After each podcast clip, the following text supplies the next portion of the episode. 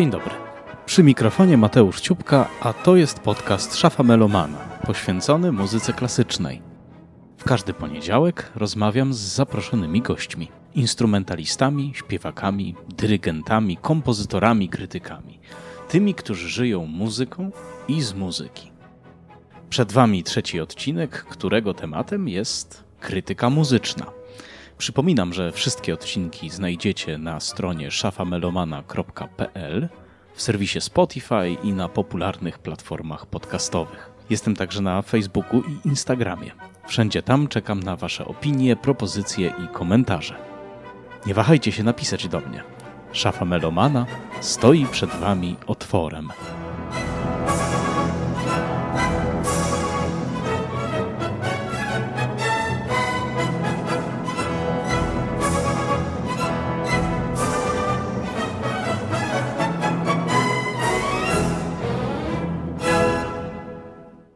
Dzisiaj moim gościem jest Mateusz Borkowski, muzykolog, krytyk, publicysta muzyczny, pedagog, e, a prywatnie mój przyjaciel. Cześć. Cześć. E, Mateusz jest twórcą bloga Orfeum Borkowskiego, jest gospodarzem autorskiej audycji Mistrzowie i Uczniowie na antenie Radia Kraków. Publikował w Krakowie, Tygodniku Powszechnym, we Wprost, pracował w Gazecie Wyborczej, w Dzienniku Polskim. E, współpracował z wieloma instytucjami, ma na koncie książki, wywiad Złota Klatka, czyli wywiad rzeka z Michałem Znanieckim, Organy na krańcach świata, czyli również wywiad z Markiem Stefańskim. Czy o czymś zapomniałem? Wszystko chyba się zgadza. I dzisiaj zaprosiłem Mateusza e, do naszego podcastu, aby porozmawiać o krytyce muzycznej, ponieważ Mateusz, uprawiasz ją ile lat? Teraz mamy 2021, no to myślę, że od 10 lat. Y, jesteś też z wykształcenia muzykiem. Grałeś na. Grałem na fagocie. Jak to się stało, że, jakby, że zmieniłeś stronę y, tej barykady? Z wykonawcy stałeś się komentatorem życia muzycznego. Kończąc liceum muzyczne w Krakowie, mm, liceum na Basztowej, nie wiedziałem dokładnie, co chciałbym robić. Z jednej strony mm, bardzo ciekawiła mnie muzykologia, a z drugiej strony no, chciałem sprawdzić się jako y, instrumentalista. No i zdałem zarówno na Akademię Muzyczną, jak i na UJ. No i po pierwszym roku już wiedziałem, że y, nie chcę być instrumentalistą. Czy pamiętasz swoje pierwsze zlecenie, swój pierwszy tekst napisany, swoją pierwszą recenzję? Pamiętam swoją pierwszą recenzję w, dla ruchu muzycznego. To był 2000 bodajże 11 rok albo 12, nie pamiętam dokładnie. E, pamiętam, że tekst zamówiła Dorota Kozińska i to mm, był wtedy festiwal Malera w Filharmonii Krakowskiej. Podzieliliśmy się z panią redaktor e, Woźniakowską po połowie i e, no ja kilka koncertów e, recenzowałem wtedy. Pamiętam, to było ogromne przeżycie, ogromny stres, czy ten tekst będzie dobry, czy zostanie zaakceptowany, czy nie zostanie odebrany jako taka studencka, hobbystyczna próbka. No ale okazało się, że spotkało się to z uznaniem, no i potem już dostawałem kolejne zlecenia właśnie od ruchu muzycznego. No, stres nie był niczym dziwnym, bo może warto naszym, może tym słuchaczom, którzy ruchu muzycznego w rękach nie mieli uświadomić, że to najstarsze czasopismo muzyczne w Polsce i chyba obecnie na rynku w 2021 e, jedyne czasopismo piszące o muzyce klasycznej w takim szerokim spektrum. No, jedyne, z jednej strony bardzo dobrze, bardzo się cieszę, że najstarsze, natomiast z drugiej strony to pokazuje tak naprawdę e, ubogość naszego życia muzycznego w Polsce i traktowanie właśnie e, pisania o muzyce. E, no, ja nie jestem zadowolony z tego, że to jest jedyne właściwie pismo. Znaczy, oczywiście bardzo się cieszę, że jest i że funkcjonuje, i, no ale to, jest, to nie jest powód wcale do radości. Nie jest też powodem do radości to, kiedy sobie uświadomimy, że tych pism było trochę, prawda? Była muzyka w mieście we Wrocławiu, była muzyka 21, było studio. E, Klasyka wcześniej, w latach 90. Do muzyki w mieście pisałem parę razy. Rozpoczynałem taki cykl e, felietonów kulinarnych To były różne przepisy związane z kompozytorami, ze śpiewaczkami. Bardzo mi to dużo radości y, przynosiło. No i wtedy, kiedy się to już rozkręcało, przyszła niestety wiadomość z Narodowego Forum Muzyki, że pismo zostaje y, zawieszone, no a w rezultacie chyba zamknięte. Mówimy o magazynach specjalistycznych, ale te magazyny specjalistyczne to jest tylko jedna strona krytyki muzycznej. Dzisiaj postaramy się trochę z różnych stron tę krytykę muzyczną poobserwować. Drugą stroną istnienia tej krytyki muzycznej jest e, obecność recenzji, relacji na łamach prasy, która się w pierwszej kolejności z muzyką klasyczną może nie kojarzyć, czyli e, Gazety Wyborczej, Dziennika Polskiego. Pisałeś do tych tytułów, już nie piszesz. Kiedy zaczynałem e, swoją drogę recenzenta, krytyka muzycznego, w 2012 roku zacząłem pisać do krakowskiego wydania Gazety Wyborczej. I pamiętam, że mm, bardzo zawsze było ciężko, żeby przepchnąć jakąś recenzję z koncertu, żeby ją opublikowali w gazecie, ale od czasu do czasu się udawało. I moim marzeniem było to, żeby tych recenzji było więcej. No niestety mm, zawsze słyszałem jedno i to samo i to niezależnie najpierw w Gazecie Wyborczej, potem też w Dzienniku Polskim trochę rzadziej, że koncert y, się odbył, i po co o nim pisać, skoro czytelnicy nie będą mogli y, pójść na ten koncert y, za tydzień. Więc recenzje, które, mm, których nie trzeba było y, przepychać, to były recenzje spektakli operowych. To rzeczywiście tak było. Natomiast dochodzimy do najważniejszej kwestii tego, że dziś ta krytyka. Te dźwięki w tle to są koty. to są koty, tak. To jest Antek chyba. To jest An Antek się chyba bawi, tak? Czy to jest Misza? To jest Antek, tak. To jest Antek. I dochodzimy do najważniejszej kwestii tego, że dziś, niezależnie od tego, czy to jest tytuł ogólnopolski, czy lokalny, krytyka muzyczna zniknęła z gazet codziennych. Nie ma tego po prostu. To myślenie, o którym mówisz, mnie zaskakuje, bo, ponieważ ja wszedłem w świat krytyki muzycznej już wtedy, kiedy tego nie było, kiedy tych recenzji nie było. I wiedziałem dobrze, że jeżeli mam gdzieś pisać na zlecenie, to napiszę albo do ruchu muzycznego, albo napiszę po prostu na swój blog, który sam sobie założę. Natomiast to myślenie zdaje się zwyciężyło, bo jeżeli mamy dzisiaj coś w Dzienniku Polskim na przykład o muzyce, to to jest po prostu zapowiedź. To jest zapowiedź jakiegoś wydarzenia, koncertu i tak dalej. Jest to zapowiedź oczywiście płynąca z biura promocji, czy z biura marketingu, które przygotowało komunikat prasowy i go wypuściło. No z, z niewielkimi zmianami ten komunikat znajduje się w prasie. Tego w ogóle nie można uznawać za krytykę muzyczną, bo to jest po prostu przekazywanie informacji. Czy uważasz, że dobrze się stało, czy źle? Że zwyciężyła promocja na łamach prasy codziennej nad krytyką? No, oczywiście, że się źle stało. Z jednej strony zajmujemy się wszyscy mm, krytyką, publicystyką muzyczną. E, poszło to w bardziej taką specjalistyczną e, stronę. No jest ten jedyny ruch muzyczny, są blogi, jest radio. Natomiast e, bardzo źle, że to zostało wyparte z mainstreamu, ponieważ e, tak naprawdę kierujemy to, co teraz robimy, kierujemy wyłącznie do zainteresowanych, do specjalistów, a przeciętny e, czytelnik, no też internetowy, no mówimy teraz o internetowych wydaniach gazet, e, po prostu nie dowie się o tym, że coś ciekawego się dzieje, nie przeczyta wywiadu z interesującym artystą, nie będzie mógł przeczytać oceny tego, jak działa dana instytucja, bo oczywiście to, co wysyłają y, instytucje, no to zawsze wszystko jest najlepsze. Najwspanialszy artysta przyjedzie, zagra. Niestety nie ma komu weryfikować tych komunikatów promocyjnych, ponieważ y, no, tak naprawdę każdy organizator może wysłać taką informację i obecnie wpuszczają to ludzie, którzy kompletnie nie wiedzą tak naprawdę, czy, to, ta, czy ta śpiewaczka rzeczywiście jest światowej sławy i rzeczywiście śpiewała w operze wiedeńskiej. No tu doszliśmy do punktu, na który miałem nadzieję. Miałem nadzieję, że dobijemy do tego miejsca. E, mam na myśli oczywiście tutaj doskonale nam znany kazus Niny Nowak. Mateusz, opowiedz o co tu chodziło. Jaki, jaki to ma związek z brakiem krytyki muzycznej, ta historia? No więc na początku ta sprawa wydawała mi się nawet zabawna. Y, śpiewaczka, która mm, rozsyłała y, wszędzie informacje o swoich koncertach w Krakowie, konkretnie, bo o tym wiem, reklamując się, że y, jest solistką opery wiedeńskiej, śpiewała w najważniejszych filharmoniach, scenach operowych świata. Nie znaleźliśmy potwierdzenia tych niektórych podawanych przez nią informacji. Natomiast niezależnie od tego, co jest prawdą, a co nie, wszyscy przeklejali jeden do jeden e, jej informację, która brzmiała, że jest to śpiewaczka klasyczna.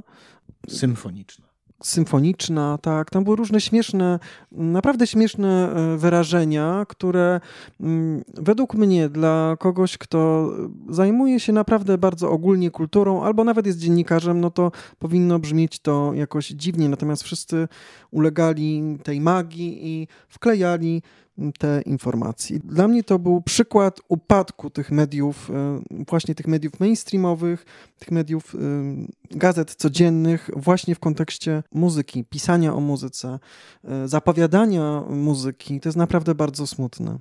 Tu doszło do takiego czegoś zadziwiającego, że z jednej strony nie potrzeba tu było, bo my nie mówimy o, o wielkim researchu, o to, żeby teraz wejść w biogram artysty i weryfikować każdy podpunkt, ponieważ gdybyśmy tak mieli robić, jako dziennikarze zapowiadający cokolwiek, to nie wykopalibyśmy się po prostu z tego. No, no nie odkopalibyśmy się. Najczęściej w biogramach są dziesiątki, setki informacji. Pomijając biogram, wystarczyłoby włączyć choćby jedno nagranie, aby posłuchać, że nie mamy do czynienia ze śpiewaczką, która mogła zawojować największe sceny na świecie, ponieważ jej głos i jej talent nie są aż tak, yy, yy, aż tak wielkie. Oczywiście zawsze można by powiedzieć, że nie wyszło jej ten czy tamten występ, ale prosty research YouTube'owy, nie wiem, proste przejrzenie Spotify każdemu, kto choć trochę siedzi w muzyce klasycznej, pokazuje, że coś tu nie gra. No tylko muszę się wtrącić, ponieważ trochę obronić tych ludzi, którzy to robią. Ci, którzy um, wrzucają te zapowiedzi, no w ogóle nie zajmują się takimi rzeczami, nie mają na to czasu, po prostu e, wklejają te, e, te zapowiedzi, wrzucają je do, na strony internetowe i na tym ta rola się kończy. Dla mnie byłoby dziwne to, nie oczekuję, że mieliby sprawdzać te nagrania, ale dziwne byłoby to, że sama artystka czy artysta wysyła informacje, które są no, dość takie, prawda, ktoś tutaj wielki, wybitny, znany na całym świecie i dlaczego nigdy o nim nie słyszeliśmy, prawda? Ale wystarczyłoby, żeby w redakcji siedział jeden człowiek, który się zna na muzyce i ten, który ma tylko wrzucić, zapytał go po prostu o zdanie. Choć, dobrze, to już są sny o potędze, e, no ale to nie jest jedyny taki przypadek. Mamy jeszcze inny, który ostatnio który ostatnio zawojował nam, e, zdaje się, telewizję śniadaniową, czyli Dominika Zamara. No Dominika Zamara to jest bardzo y, sprawna y, artystka, która y, sprawna PR-owo, żeby nie było wątpliwości, która no, zawojowała polskie media, te mainstreamowe właśnie, programy śniadaniowe, pytanie na śniadanie, ale wcześniej było też Dzień Dobry TVN, różne programy w różnych telewizjach, Klucz jest jeden. E, mamy tutaj wielką artystkę znaną w innym kraju, o której my, Polacy, nie wiemy i tam odnosi wielkie sukcesy. ma różne są Włochy, zdaje się, nagrody, tak, zgadza się. Natomiast tutaj nikt o niej nie wie. No i wszyscy z zasłuchaniem widziałem, jak e, czy to była Kinga Rusin, czy ktoś inny, po prostu e, zafascynowana słuchała o tych sukcesach. No to jest, to jest w przypadku telewizji wina researcherów, wina też tych dziennikarzy, no ale tak naprawdę w świat idzie ta informacja, tak? E, widz e, ogląda coś takiego, no i prawda, no mamy znaną śpiewaczkę, która potem to jak śpiewa, no to już pozostawię bez komentarza. Czy na tego typu wydarzenia, na tego typu przypadki w ogóle lekiem może być krytyka muzyczna? Czy to nie jest tak, że nas, Mateusz, nikt już nie słucha, że my sobie możemy pisać, udostępnią to ci których to interesuje, bo są z branży, natomiast ci, którzy z branży nie są, po prostu nie mają dostępu do tych tekstów, albo nawet jeśli, jeśli mogą mieć łatwy dostęp, to, to ich po prostu nie obchodzi i biznes się kręci. No, muszę się z tym zgodzić. W większości zainteresowanych krytyka muzyczna nie obchodzi. Natomiast e, co jest winą tej sytuacji, o której rozmawiamy? Edukacja muzyczna. Jeżeli społeczeństwo byłoby lepiej wyedukowane muzycznie, a to sprowadza się do obecności no, edukacji muzycznej w szkołach powszechnych, to myślę, że więcej osób by wiedziało o co chodzi, potrafiłoby rozstrzygnąć, czy to jest rzeczywiście wielki artysta, czy nie. Natomiast wracając do Twojego pytania, no zaczyna być to trochę taką, ta krytyka muzyczna, taką sztuką dla sztuki, niestety. Ale z drugiej strony przecież właśnie wykazaliśmy, że ona jest potrzebna. Nie jest? Oczywiście, że jest potrzebna, natomiast y, widzę, jaki jest obecnie stosunek y, instytucji muzycznych do krytyki muzycznej. Czyli jesteśmy potrzebni, kiedy coś chwalimy, a kiedy nie chwalimy, no to już wtedy nas nie ma, jesteśmy zupełnie niewidzialni. Tak naprawdę najważniejsze dla tych instytucji są zapowiedzi koncertów, spektakli i do tego ta właściwie nasza rola, oni tak nas widzą, do tego ta nasza rola powinna się sprowadzać. Czy z punktu widzenia instytucji działalność krytyka muzycznego, czy dziennikarza muzycznego, czy publicysty e, podąża tak, w takim dwubiegu? To znaczy, przed wydarzeniem oczywiście zależy działowi marketingu na tym, aby dziennikarz coś zapowiedział, ponieważ to ma szansę napędzić y, po prostu widownię, sprzedaż biletów i tak dalej, sprzedaż płyt też, książek, bo to przecież dotyczy także wydawnictw. Funkcjonujemy jednak w pewnej bańce to muzycznej, w której nas nie jest dużo, ale przecież cała ta blogosfera w świecie literackim jest praktycznie decydująca o sprzedaży. Później, kiedy wydarzenie się odbywa, no to dziennikarz jest w zasadzie potrzebny do tego, żeby napisał recenzję, no ale recenzja ma już walor PR-owy, prawda? Chyba, że to jest spektakl operowy, który się powtórzy i warto się później tą recenzją posłużyć, aby go reklamować dalej i dalej. Natomiast faktycznie, zgadzam się, no to jest w pewnym sensie mordercze, ale my nie powinniśmy zależeć od żadnych instytucji. Myśmy powinni zależeć przede wszystkim od e, silnej silnych centrów medialnych, tak? które mają swoich czytelników i do których my mamy szansę trafić. Ponieważ, jak już powiedzieliśmy, tych centrów nie ma, czy one praktycznie z nas zrezygnowały, no to jakimś takim remedium, czy, czy, czy zastępstwem tego była, czy jest oczywiście obecnie blogosfera. No i rzeczywiście to jest e, sposób, e, który w tym momencie wydaje mi się obok radia jedyny e, skuteczny, jedyny rzeczywiście przynoszący jakieś efekty jeśli chodzi o y, pisanie, mówienie o muzyce. Ty założyłeś blog Orfeum Borkowskiego i zrobiłeś to dlaczego? Zrobiłem to w 2018 roku. Dlaczego? Dlatego, że chciałem mieć miejsce, w którym będę mógł robić różne rzeczy. To nie jest blog, w którym ja piszę co tydzień recenzje, bo nie chciałem, żeby to tak wyglądało.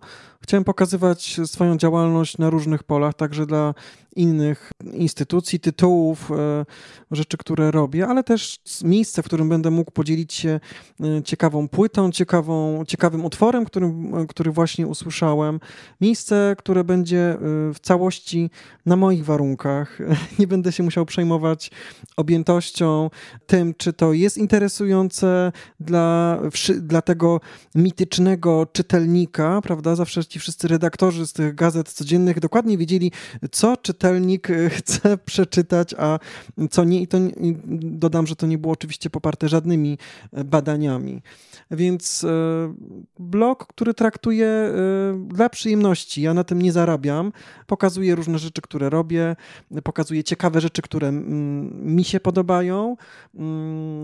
wywiady czasami się zdarzają. No, jest to miejsce, które po prostu przede wszystkim mam je lubić i to ma być takie miejsce moje i tam spotykają się różne moje e, działalności. Czy blogosfera muzyczna narodziła się przede wszystkim z, z, uwagi na to, że gdzieś ta krytyka muzyczna w tych głównych mainstreamowych mediach została, czy z nich została wyrugowana? Zdecydowanie tak. Mhm. Natomiast mam wrażenie, ja, jak zaczynałem z kolei ze swoją szafą, to miałem takie szokujące poczucie, jak bardzo y, nas jest mało. I mam wrażenie, że od 2018 roku, kiedy ja szafę założyłem, to wcale nie jest nas więcej jakoś specjalnie piszących o, o muzyce w blogosferze. Dlaczego tak jest, Twoim zdaniem? No bo to wymaga jednak może nie tyle systematyczności, co po prostu mm, rzeczywiście zajmowania się tym, tak? Jeżeli ktoś to zrobił, nie wiem, na studiach, bo sobie tak pomyślał, że sobie coś takiego ciekawego otworzy, no to potem po jakimś czasie ten entuzjazm opada i mamy wiele takich przykładów, prawda, różnych e, stron na Facebooku, które powstawały, a potem są martwe. Dlaczego jest, nas jest tak mało? No bo nie jesteśmy aż tak potrzebni, prawda? Więc wracamy do, do początku. No, ja oczywiście mówiąc mało, y, muszę mieć jakiś y, punkt odniesienia. Dla mnie tym punktem odniesienia jest oczywiście blogosfera literacka. Liczy się, że w Polsce działa no mniej więcej od 300 do 450 blogerów literackich, prawda? Y, niektórzy z nich, czy mówię teraz o czy blogerów książkowych, może to jest właściwe sformułowanie, bo przecież nie każda książka to literatura. Natomiast i, i oni mają absolutnie realny wpływ na kształtowanie tego rynku. To znaczy, czasem y, zdanie dwóch, trzech, czterech najważniejszych blogerów, mam na myśli, nie wiem, Wojtka Szota, Michała Nogasia, y, Kurzojady, y, Wielki Bóg i tak dalej, potrafi zamordować sprzedaż książki albo ją bardzo podbić.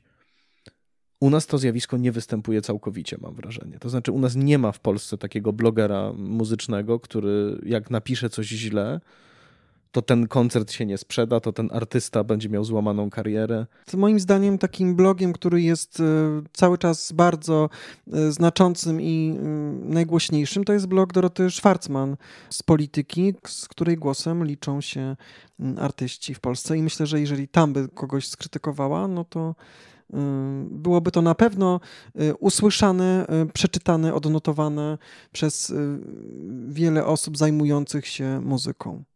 Natomiast to, co podoba mi się w blogach książkowych, o których powiedziałeś, to pewna transparentność.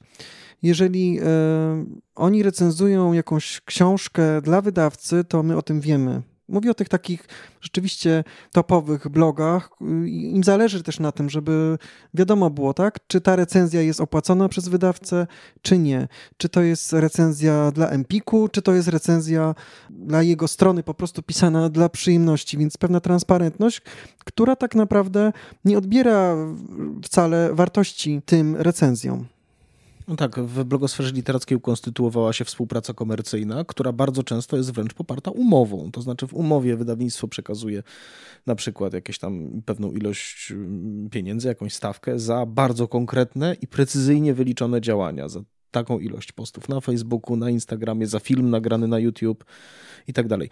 I ta część, mam wrażenie, mm, formy współpracy z blogosferą powoli też zaczyna wsiąkać do świata muzyki klasycznej i ty i ja wykonywaliśmy podobne zlecenie dla Festiwalu Muzyki Polskiej w ubiegłym roku na przykład. Zgadza się i to było y, od A do Z transparentne.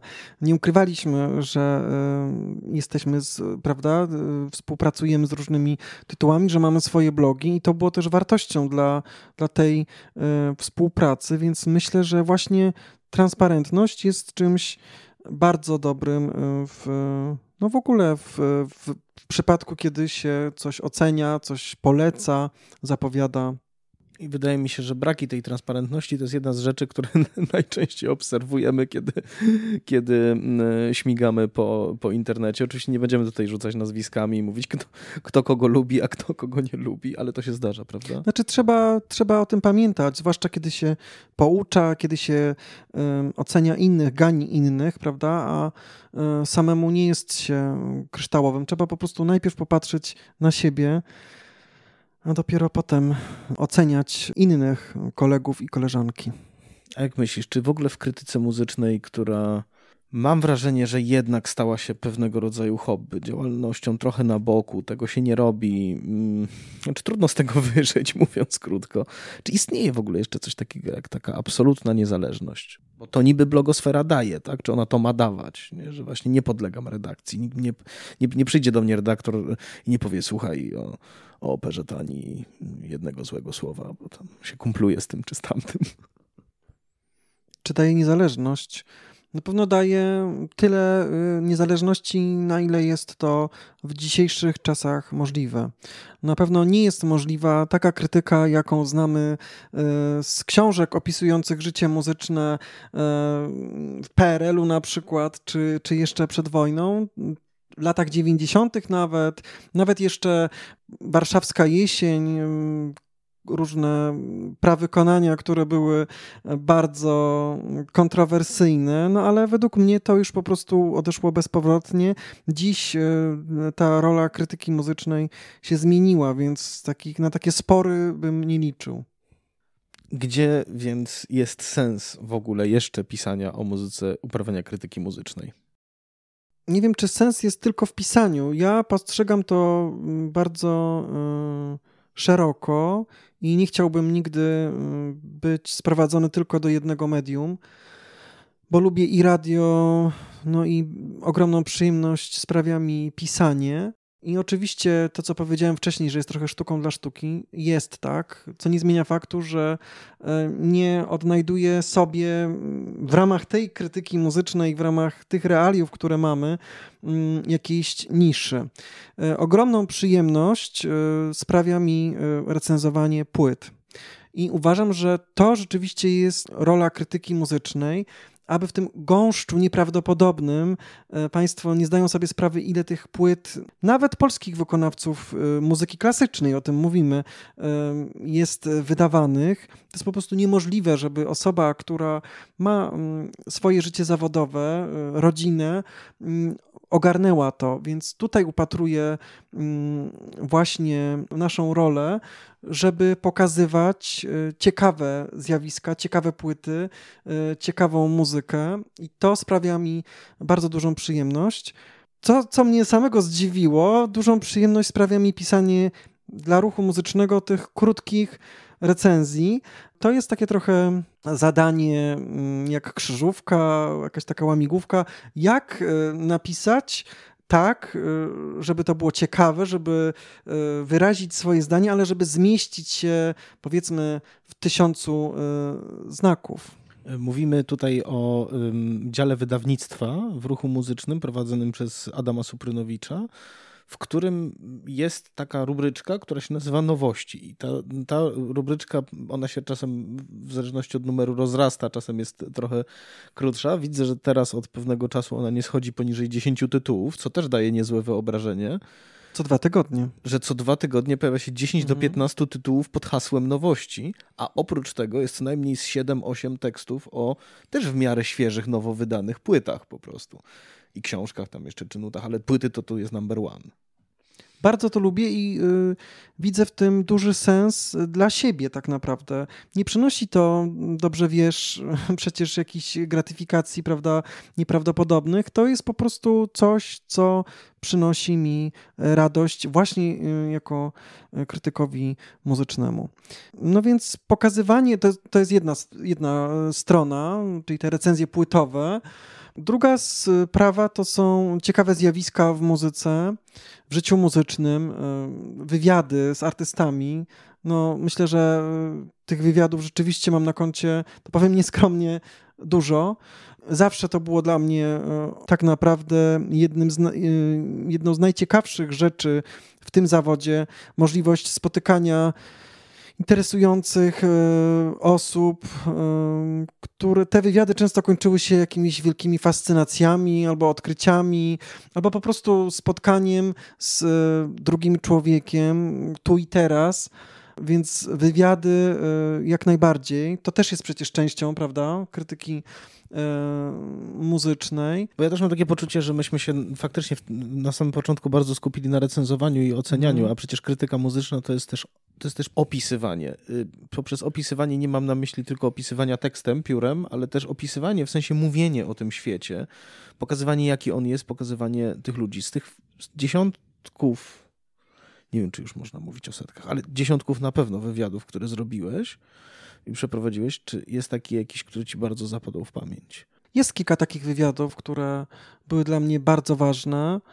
Yy, niekoniecznie to są zawsze jakieś największe nazwiska, to jest bardzo różnie, bo jeden z najważniejszych dla mnie wywiadów yy, to były za każdym razem, bo takich wywiadów było dwa albo trzy, to były e, rozmowy z Kają Dęczowską.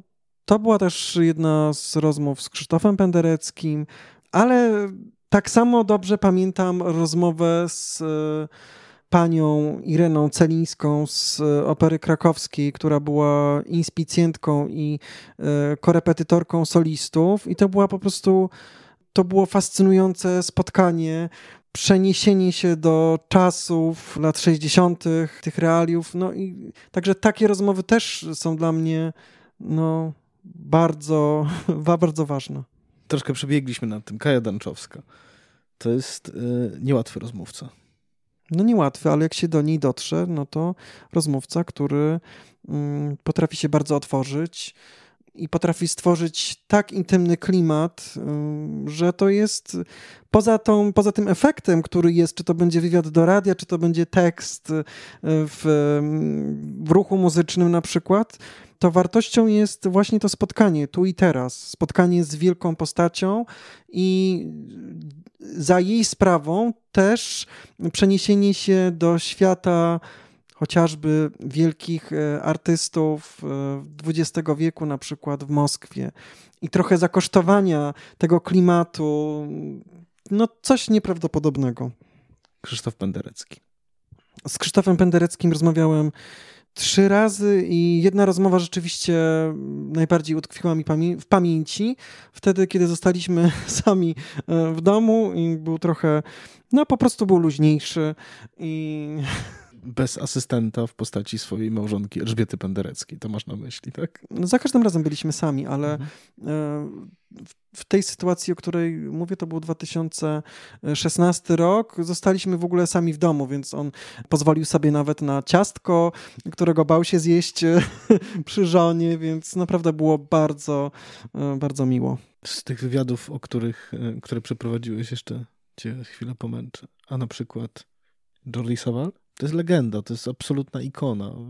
No właśnie, y, w takich sytuacjach y, te wszystkie mm, cienie odchodzą zupełnie na bok. Te sytuacje, kiedy instytucje oczekują od ciebie, że będziesz wychwalać y, wydarzenia, niezadowoleni artyści, tak naprawdę brak czytelników. W takich chwilach to jest po prostu coś, dlaczego to robię po prostu. I wiem, że warto to robić dla spotykania takich osób. Mówiąc o tym, że krytyka muzyczna staje się trochę sztuką dla sztuki, tak naprawdę mam e, na myśli to pisanie o koncertach, bo poza tym, że ono całkowicie zniknęło z mediów e, mm, codziennych, czy to będą internetowe, czy nie, tak naprawdę mm, może w tym właśnie punkcie widzę że ta rola się zmniejszyła i ten sens nawet na blogach jest jakby mm, dyskusyjny. Więc e, być może to właśnie pójdzie w tę stronę, również w specjalistycznych miejscach, że ta krytyka takich koncertów pojedynczych, że to po prostu jakoś odejdzie, powiedzmy, do lamusa. Nie wiem, czy się z tym zgadzasz, czy nie, natomiast tak mi się wydaje, że to w tę stronę idzie. Hmm. To jest trudne. Pytanie, czy ta krytyka koncertowa jest potrzebna, czy nie, bo odruchowo powiedziałbym, że jak najbardziej.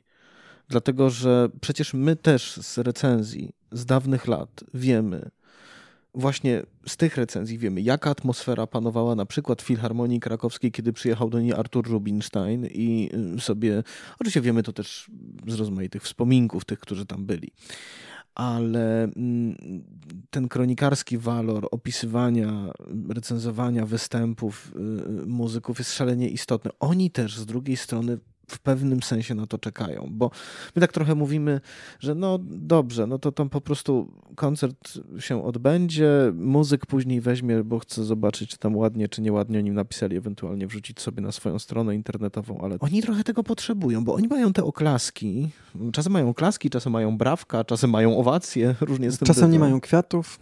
Nie mają kwiatów, ale mam takie poczucie, że że on, oni też tego potrzebują, oni też tego chcą. Natomiast coś chce we mnie zgodzić się z tym, co powiedziałeś, dlatego, że nierzadko poziom tych recenzji jest słaby. To znaczy, niewiele jest, uważam, w Polsce piór, które są w stanie dobrze opisać to, co wydarzyło się na estradzie koncertowej. Sam dobrze wiesz, że jest pewien zestaw kluczy, wytrychów, które w ręce ma krytyk i które używa. A to no piękne brzmienie, wspaniale, fraza, coś, no, mnóstwo jest takich po prostu takiej, wa takiej waty, i nie ujmuje się tego, co tu się naprawdę wydarzyło. Oczywiście, że recenzje koncertów y, są ważne i potrzebne, tylko wydaje mi się, że te recenzje, o których mówisz, y, z wielkich y, artystów XX wieku, to były jednak te recenzje, które były publikowane jednak w mediach tych mainstreamowych. To były recenzje w gazetach, kiedy rzeczywiście recenzent opisywał, jak to, nie wiem, cała sala po prostu wiwatowała przez 10 e, minut. Dziś takich emocji już nie ma i dziś nikt na to nie czeka. Z drugiej strony czytanie bardzo hermetycznych tekstów, e, wręcz analiz, tak, co było źle i co było w którym takcie nie tak i do którego artysty było to podobne, mnie osobiście nie interesuje.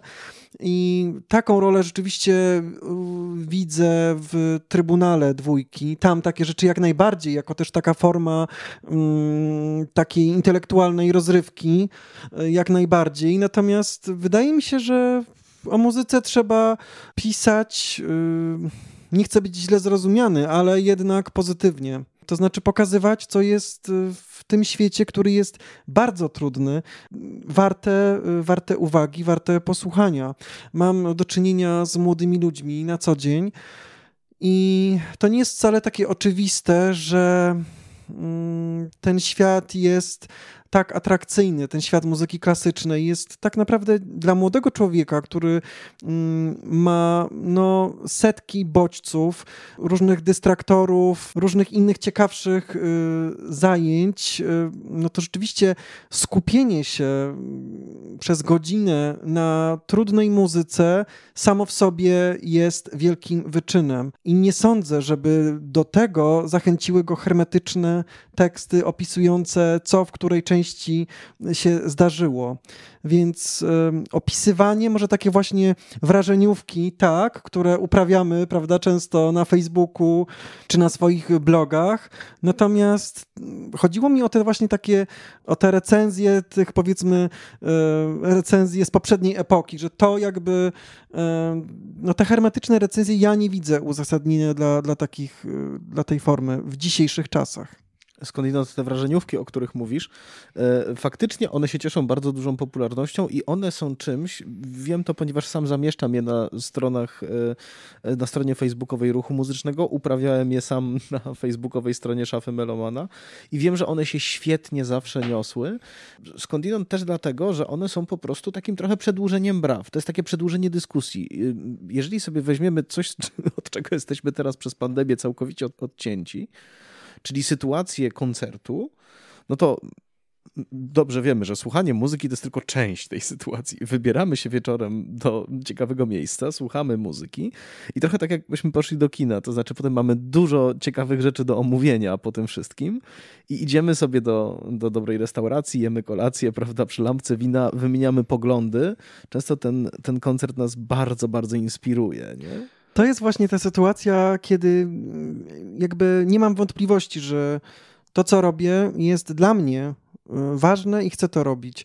No to jest cholernie przyjemne, to jest po prostu przyjemne chodzenie i słuchanie muzyki na żywo. Sam dobrze wiesz, że po koncercie, na którym rzeczywiście mamy ciarki, prawda, coś było świetnego, mamy potrzebę nie tylko rozmowy między sobą, prawda, nie tylko podzielenia się, co było wspaniał, wspaniałego w danym wykonaniu, ale mamy właśnie taką potrzebę, to co powiedziałeś, przedłużenie braw, żeby podzielić się z innymi ludźmi właśnie tą sytuacją, tu i teraz i mm, lubię bardzo tę formę.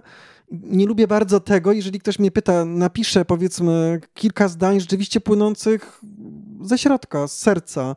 To są moje prawdziwe, szczere um, słowa. I ktoś po czymś takim pyta mnie, no a kiedy będzie recenzja? nie znoszę tego. No właśnie to było to, co chciałem powiedzieć i kropka. I kropka. No ale nie masz, nie masz podobnie? No tak. Są takie koncerty, z których wychodzę i chciałbym zapomnieć, że w ogóle na nich byłem. I nie mam na myśli y, tego, że było tak strasznie źle, bo w krytyce muzycznej są dwa momenty, w których chce się pisać. Kiedy było wspaniale i kiedy było tragicznie. Y, kiedy było po prostu coś bardzo na opak, kiedy było źle, bo wtedy jest o czym pisać. Natomiast jest gro koncertów, które są całkowicie nijakie. Przeciętne, zgadzam tak, się. Po których wychodzę i mam, i mam ochotę wzruszyć ramionami. Ktoś czasem też podchodzi i mówi: napisz, napisz, proszę cię. I jeszcze wrzuca jakieś takie rzeczy w rodzaju, ale przecież nigdy wcześniej nie słyszałeś chyba tak dobrych waltorni nigdzie. Myślę, no słyszałem. No, no, tak, tak słyszałem. Słyszałem tak dobre waltornie słyszałem tak dobry puzon i kocioł nawet brzmiał gdzieś indziej Bo tak lepiej, naprawdę no. na koncert składa się wiele czynników, prawda? Tak. Nie, tylko, nie tylko to, jak zostało coś wykonane, tylko jeszcze bardzo różne inne rzeczy. Myślę, że to jest nasza broń tak naprawdę. Na tym polu mamy dużo do powiedzenia. Właśnie y, możemy o czymś nie napisać i to też jest y, jakaś forma recenzji. Myślę, y, wymowna. Tak, tak, tak. Ja też myślę, że milczenie tutaj mm, też może być jakimś, e, jakimś sposobem wyrażenia, nie wiem czego, to może dezaprobaty, ale taki, nie braku zgody może na coś. No. Natomiast y, no, mówimy, dużo narzekamy, prawda? Często słusznie, często niesłusznie. O tym, że krytyka umiera, to słychać od co najmniej chyba kilkudziesięciu lat. Myślę, że tak jak przywołane przez ciebie blogi książkowe świetnie się odnalazły w tej internetowej mm, rzeczywistości, ale tak naprawdę nie internetowej, a rzeczywistości mediów społecznościowych, gdzie te wrażeniówki są czymś po prostu na porządku dziennym. To są pełnoprawne teksty, które czytam po prostu z e, wypiekami na twarzy, jeżeli na przykład czytam takiego Szota czy, czy Nogasia. E, I myślę, że to właśnie mm, powinniśmy zaakceptować u nas. Że tak naprawdę być może te tradycyjne recenzje e, odeszły albo są w jakiejś tam szczątkowej formie, natomiast cieszmy się, że no, w jakiś sposób to ewoluowało i możemy w ten sposób pisać. I mm, tak teraz sobie myślę, bo tu dzisiaj mnie skłaniasz do wielu e, bardzo trudnych i ważnych przemyśleń, że media społecznościowe, właśnie ten Facebook, nawet nie jakaś strona w internecie, tylko ten Facebook, który daje tę możliwość, żeby napisać te pięć zdań, ja to bardzo lubię. Krytyka muzyczna, tak sobie myślę, jest zjawiskiem tak naprawdę bardzo młodym, w tym sensie, w jakim my ją znamy. Recenzja, relacja, wywiad, artykuł, prasa, pisanie i tak dalej. To, to jest coś, co się narodziło w połowie XIX wieku. To naprawdę ma krótki żywot, choć myślę, że w gruncie rzeczy, tak w istocie, to, to żyje o wiele dłużej, bo przecież komentarze o muzyce i o muzykach znamy nawet z czasów średniowiecznych. W związku z czym, jeśli ktoś coś robi, to się spotyka z opinią. To jest jasne. Natomiast wydaje mi się, że niezależnie od tego krótkiego żywota, krytyka muzyczna już na pewno teraz ma na swoim koncie co najmniej kilka, jeśli nie kilkanaście grzechów głównych. Więc ja cię spytam, czego najbardziej w krytyce muzycznej nie lubisz? Co, na, co, na co się jeżysz? Co cię wkurza po prostu? No jest kilka takich rzeczy i stale mam to z tyłu głowy, pisząc, mówiąc o muzyce, też starając się no nie popełniać tych błędów właśnie, które na pewno zdarzyło mi się popełnić, zwłaszcza na początku. Y, Grzech pychy. Y, Grzech takiego mówienia właśnie ex pouczania, takich radykalnych sądów z jednej strony, a z drugiej strony y, bezkrytyczne wychwalanie i właściwie mm, bycie takim narzędziem, no takim przedłużonym narzędziem tych PR-owców wszystkich. Więc to są dwa takie bieguny, które mm, najbardziej mnie rażą w, w tym zawodzie. To, że powiedziałem, że chc- powinno się pokazywać pozytywne strony muzyki, to y, w żadnym razie nie znaczy, że trzeba wszystko wychwalać.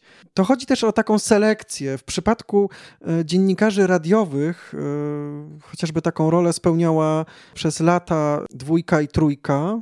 A spełniała to mam na myśli o trójkę i specjalnie tutaj y, robię taką dygresję o muzyce popularnej. Właśnie dziennikarze jako tacy e, selekcjonerzy tego, co pokażemy słuchaczowi, więc wybieranie tych pozytywnych zjawisk. Na pewno, to też miałem na myśli. Natomiast no właśnie nie skupianie się na, tylko na tych negatywnych rzeczach, choć czasami trzeba, prawda, dobrze wiesz, powiedzieć yy, yy, jasno, yy, jaka jest sytuacja. No jest to bardzo trudne na pewno, albo teraz jeszcze bardziej trudne w takim mieście właśnie jak Kraków, mając do dyspozycji ogólnopolskie media i taką rozpoznawalność ogólnokrajową, jest łatwiej, choć też y, ci dziennikarze, recenzenci nie skupiają się aż tak, prawda, na, tym, na tych różnych wydarzeniach w innych miastach poza Warszawą. Jest ten jednak warszawskocentryzm e, widoczny, więc myślę, że trudniej być e, krytycznym mm, w mieście takim jak Kraków, natomiast czasami uważam, że trzeba powiedzieć coś po prostu nie pomyśli reszty. O jakieś jeszcze grzechy chciałbyś mnie spytać? Bo widzę, że tak patrzysz. tak, jeszcze nie czuję się nasycony. Jeszcze chcę po prostu, żeby, y, żeby, żebyś jeszcze wskazał to, co cię najbardziej jeszcze denerwuje. Bo to powiedziałeś teraz o takich dwóch rzeczach fundamentalnych, to znaczy wydawanie sądów ex cathedra bez, e, bez zastanowienia, z poczuciem własnej nieomylności i wielkości oraz właśnie bezkrytyczne chwalenie. Ale są jeszcze rzeczy, które w recenzjach mogą wkurzać, to ja trochę ci pomogę, czyli ja powiem, że to, co mnie na przykład potwornie denerwuje, to jest nadużywanie języka y, po to, żeby y, zyskać jakąś popularność. To jest, to jest nieznośne. No, znaczy... znamy taki przykład i tutaj mogę powiedzieć otwarcie. Duetu z krytyki liberalnej, e, świetnych językowo, ze wspaniałym warsztatem, natomiast no jednak moim zdaniem radykalnych e, w swoich poglądach i często nie tylko radykalnych, ale również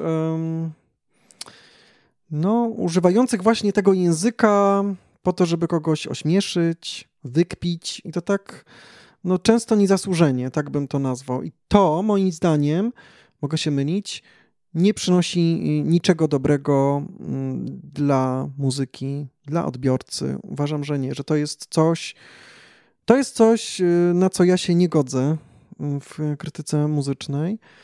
Mm, to jedno. A drugi przykład, y, pewien pan z Krakowa, który nie jest e, krytykiem muzycznym, nigdy się muzyką nie zajmował. E, w środowisku teatralnym bardzo prawda, ceniony za swój e, charakterystyczny styl. Natomiast no, w pewnym momencie chyba uwierzył, że o muzyce również może pisać. No i to nie o to chodzi, że się z nim nie zgadzam.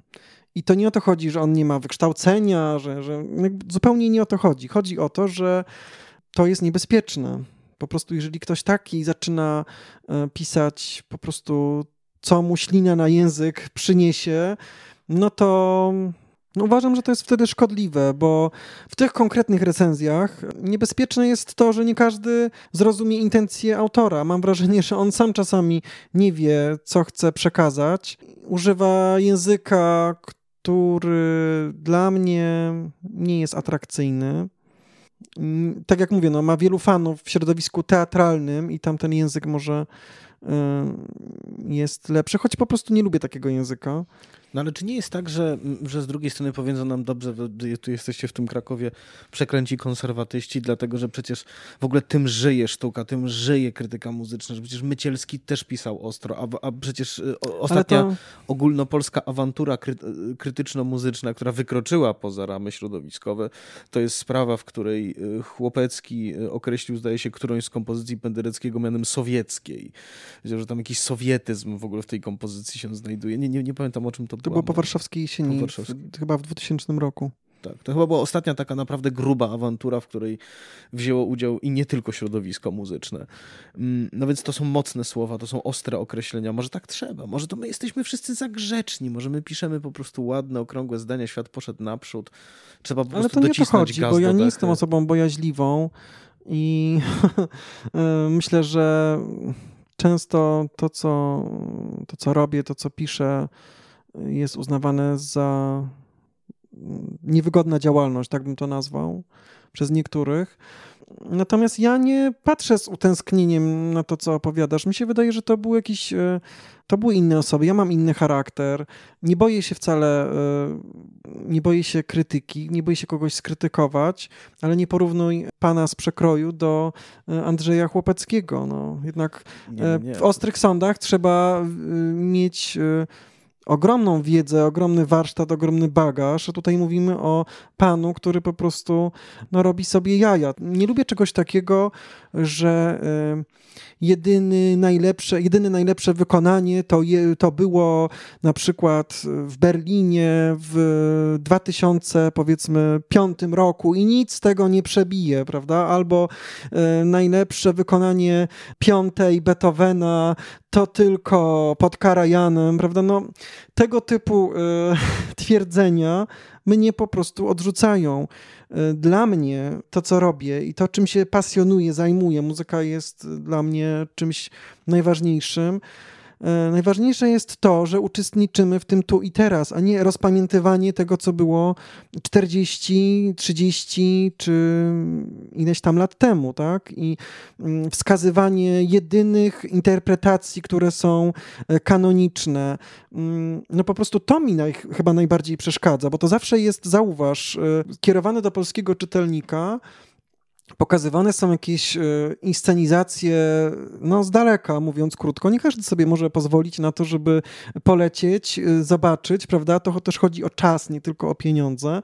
I no nigdy to nie będzie codziennym naszym życiem muzycznym, życie innego kraju, prawda? Oczywiście warto o tym mówić. Nie jestem przecież tylko, e, sam też jeżdżę i sam różne rzeczy mm, lubię oglądać. Natomiast dla mnie krytyka muzyczna to przede wszystkim pokaż, co tutaj ciekawego widzisz, tak? A nie chwal się tym, że pojechałeś jako e, jeden z, prawda, nielicznych gdzieś tam i, i tylko tam, a to, co tutaj robimy, to jest jakiś zaścianek. Czasami jest, ale, ale takie podejście jest mi, no, obce.